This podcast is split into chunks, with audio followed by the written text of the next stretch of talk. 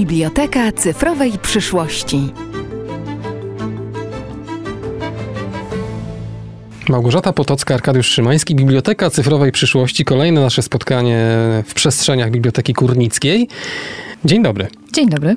Dzisiaj będziemy dalej rozmawiać o kobietach związanych z zamkiem w Kurniku i wracamy do nikogo innego jak do Białej Damy. Tak, czyli Teofilii z Działyńskich, Szołdrskiej, Potulickiej. Brawo. Cudne. No, jest to postać w dalszym ciągu jakby pojawiająca się w naszych audycjach, bo jest wyjątkowa. I tak naprawdę o niej można by mówić, jak już to chyba gdzieś tutaj na antenie padło, e, godzinami. Powielokroć. Powielokroć, zdecydowanie tak.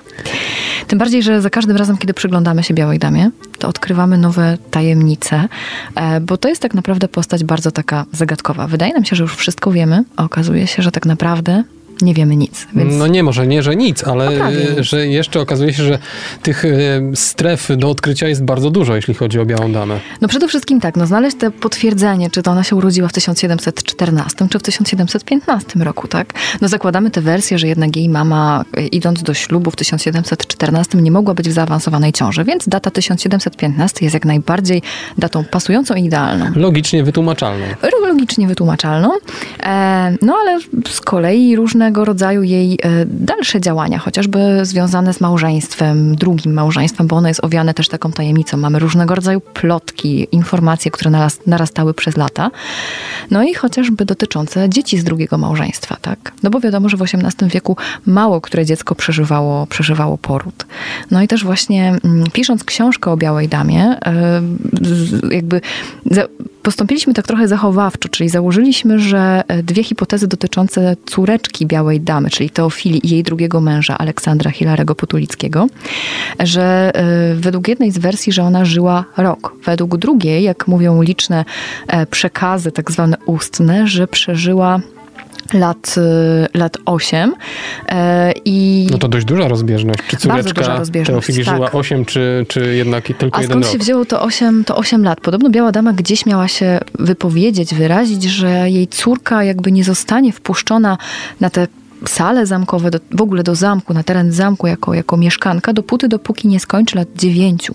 Chodziło o to, żeby ją zahartować i przygotować do życia. No i dalsza część jakby tego przekazu mówiła, że Karolinka niestety ciężko zachorowała i zmarła w wieku ośmiu lat. No i faktycznie ta hipoteza była przez wiele, wiele lat powtarzana, nawet przez nas, jak prowadzaliśmy.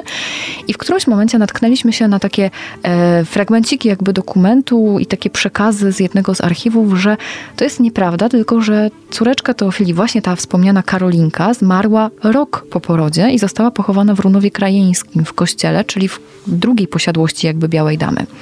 No i my tego, nie udało nam się tego zweryfikować z różnych e, względów jakby, które towarzyszyły przez ostatni rok nam wszystkim ale w końcu wybraliśmy się do archiwum archidiecezjalnego w Gnieźnie i faktycznie w dokumentach jest wyraźnie napisane w księgach urodzeń i w księgach zgonu, że Karolinka e, Cecylia Konstancja Potulicka, czyli córeczka Białej Damy i jej drugiego męża, urodziła się w 1750 roku i zmarła w 1751, czyli żyła rok dokładnie rok. I została pochowana następnego dnia, czyli jeżeli zmarła w listopadzie, 5 listopada, to została pochowana dzień później w kościele w Runowie Krajeńskim. Czy wy będziecie zapraszać raz jeszcze te wszystkie wycieczki, które słyszały, że jednak żyła 8 lat? No chyba by wypadało. no ale to była taka ciekawostka, bo faktycznie pokazywało to, ta informacja, być może to było stworzone też przez ludzi po to, żeby pokazać ten, tę twardość taką białej damy, to, że ona była taką bardzo mm, surową matką, tak? Bo tak by się mogło z tego wywnioskować i wydawać Natomiast w tej chwili całkowicie jakby stawiają to w innym świetle i umierają jakby nagle śmiercią naturalną te wszystkie plotki pod tytułem, że drugi mąż rozwiódł się z nią dlatego, że ona była paskudna wobec drugiego, wobec tego dziecka, wobec tej Karolinki, że nie wpuściła jej na, e, na jakby sale zamkowe, że przyczyniła się tym samym do jej śmierci. No więc ten mit musimy obalić, to jest nieprawda.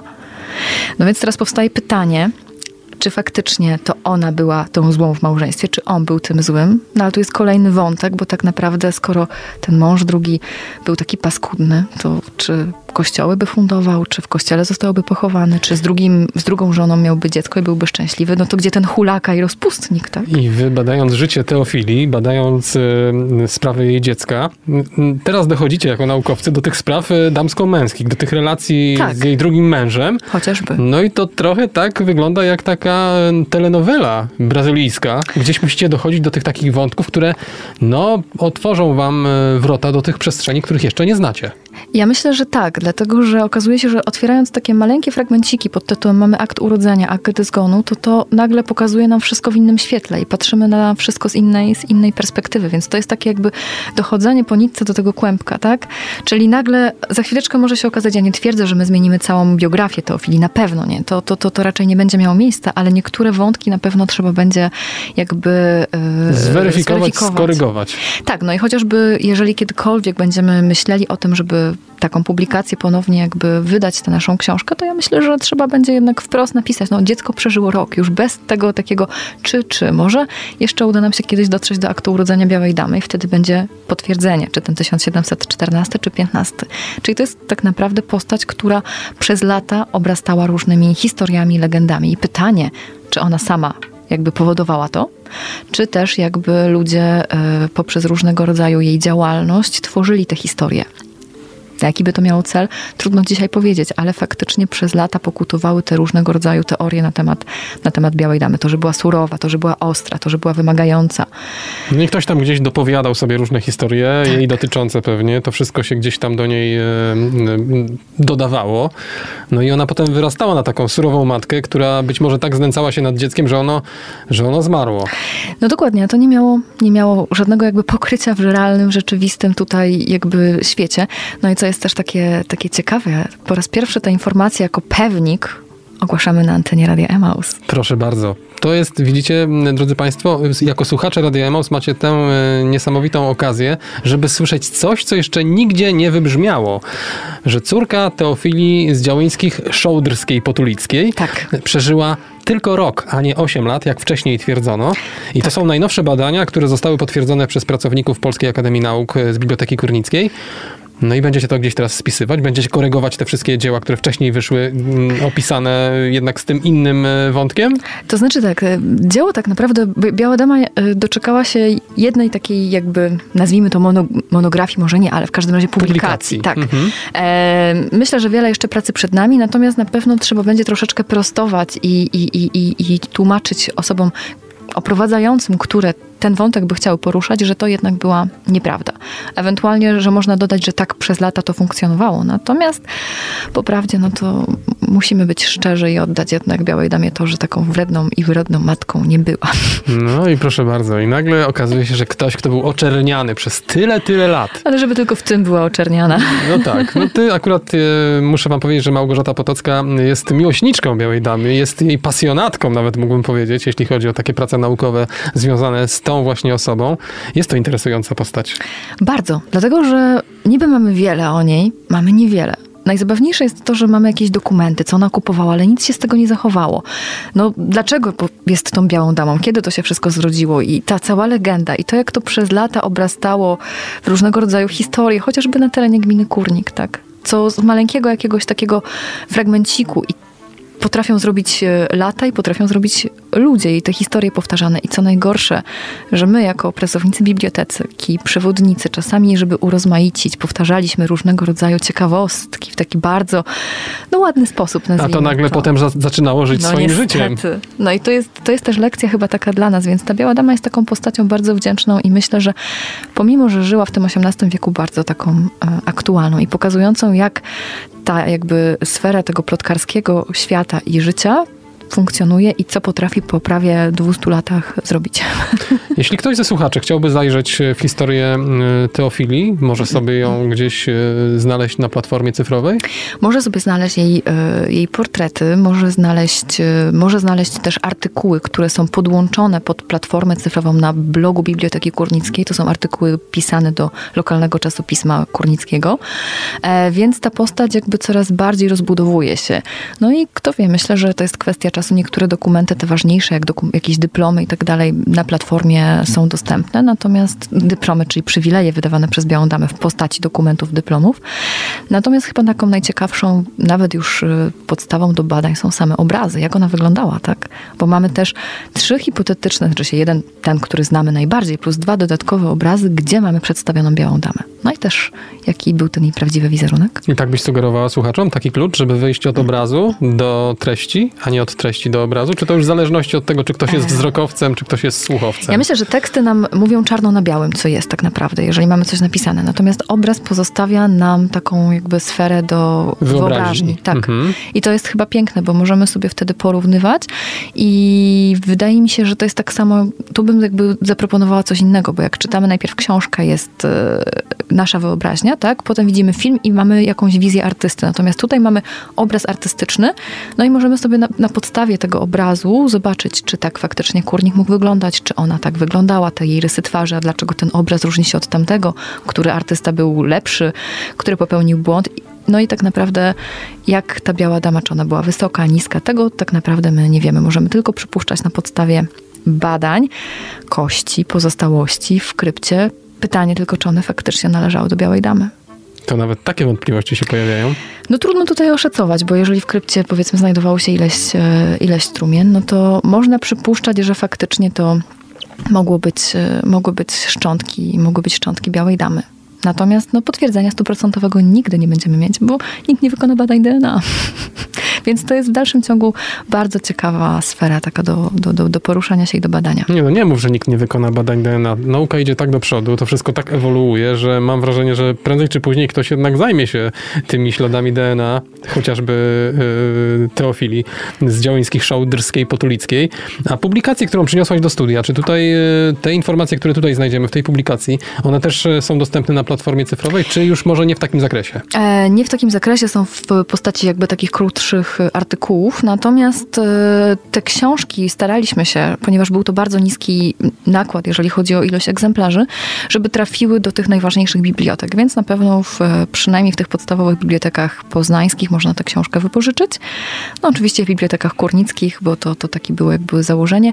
No i też lokalne szkoły otrzymały te książki, ponieważ jest to jednak postać, która jakby na to nie patrzeć jest bardzo mocno związana z gminą, z gminą Kurnik. Chociaż nie I, te, tylko. I teraz słuchacze, którzy słuchają nas na drugim końcu świata, bo przypominam ci, że przez internet też możemy się słyszeć z naszymi słuchaczami, myślą sobie, ojej, no to ja do Kurnika nie przyjadę, Ale ja nie ja do wiem, żadnej czy- z bibliotek w Poznaniu nie przyjadę. Czy ja gdzieś przez internet jestem w stanie się do tego dostać? No na razie nie, na razie nie, ale rozważymy to, rozważymy może w przyszłości taką ewentualność. Nie wiem, czy ta książka nie trafiła do Biblioteki Narodowej nawet, więc kto wie. Ale są jeszcze wypożyczalnie międzybiblioteczne. Ja wiem, to taka stara, stara metoda, a świat wirtualny jednak jest prostszy. Jest prost, znaczy może nie prostszy, ale jest e, praktyczniejszy, tak bym powiedział. Jest tak. praktyczniejszy.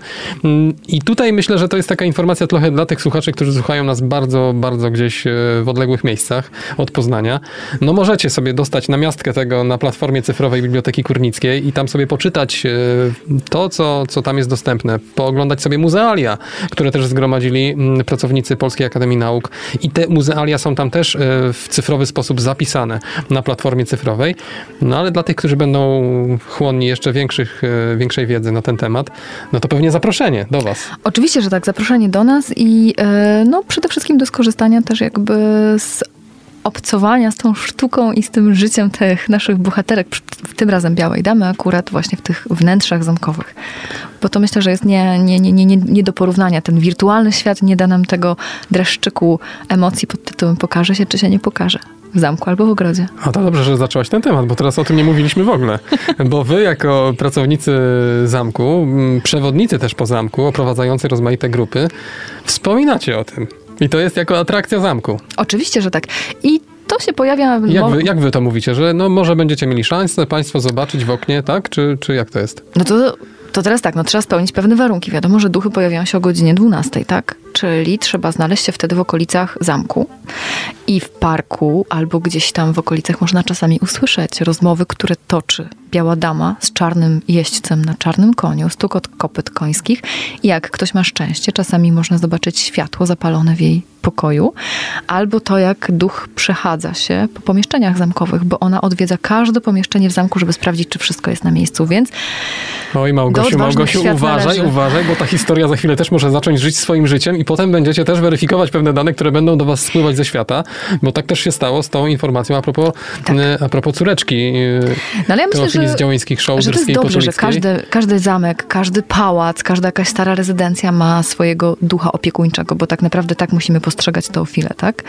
A to, że narastają różnego rodzaju legendy, to jest tak naprawdę tylko uatrakcyjnienie tej postaci. A czy to jest prawda? To już pozostawiam słuchaczom do własnej oceny. I każdy sobie będzie to na swój sposób oceniał. A jeśli odwiedzicie zamek w Kurniku, no to polecam szczególnie mm, obejrzeć sobie te wszystkie muzealia tam zgromadzone, które możecie, no oczywiście nie dotknąć, ale zobaczyć je z bliska, pozachwycać się tym. Jeśli nie będziecie mieli takiej okazji, to dostęp do muzealiów jest też za sprawą platformy cyfrowej Biblioteki Kurnickiej i tam też możecie sobie przybliżać, oddalać, nawet uwypuklać jakieś detale y, danego, danego I zobaczyć, zabytku. zobaczyć to, czego też przy, w przypadku na przykład obrazów nie widać zwiedzając ekspozycję, ponieważ odwrocia obrazu my nie jesteśmy w stanie zobaczyć odwrocia, czyli tego jakby tej tylnej części, tak? A czasami tam są jakieś zapiski, sygnatury. Tak jest w przypadku tego głównego portretu Białej Damy, bo tam jest napisane, kiedy się urodziła i gdzie zmarła. I w formie cyfrowej to wszystko jest dostępne? Tak, w formie cyfrowej to wszystko jest dostępne, bo jak obrazy były fotografowane, to były fotografowane z dwóch, z dwóch stron. No proszę bardzo. Czyli okazuje się, że jednak y, podróż wirtualna może się okazać bardziej y, obfita w e, szczegóły i w detale niż ta podróż bezpośrednia. Ale jednak mimo wszystko zachęcamy do tego, żeby odwiedzić przestrzenie zamku w Kurniku, bo tam naprawdę czuje się ten klimat tego miejsca i tych wszystkich osób, które tam przebywały przez wiele, wiele lat. To prawda. A po zamku oprowadzała dzisiaj nie kto inny jak Małgorzata Potocka, która wie chyba wszystko o Białej Damie. Wszystko, co do tej pory wiemy na ten temat o Białej Damie, czyli o Teo- Teofilii z Działyńskiej, e, Szołdrskiej, Potulickiej. Arkadiusz Szymański, dziękujemy za dzisiejsze spotkanie bardzo. w ramach Biblioteki Cyfrowej Przyszłości. Zapraszamy na kolejną audycję. Tak, dziękuję. Audycja powstaje przy współpracy z Biblioteką Kurnicką Polskiej Akademii Nauk www.bkpan.poznan.pl www.pl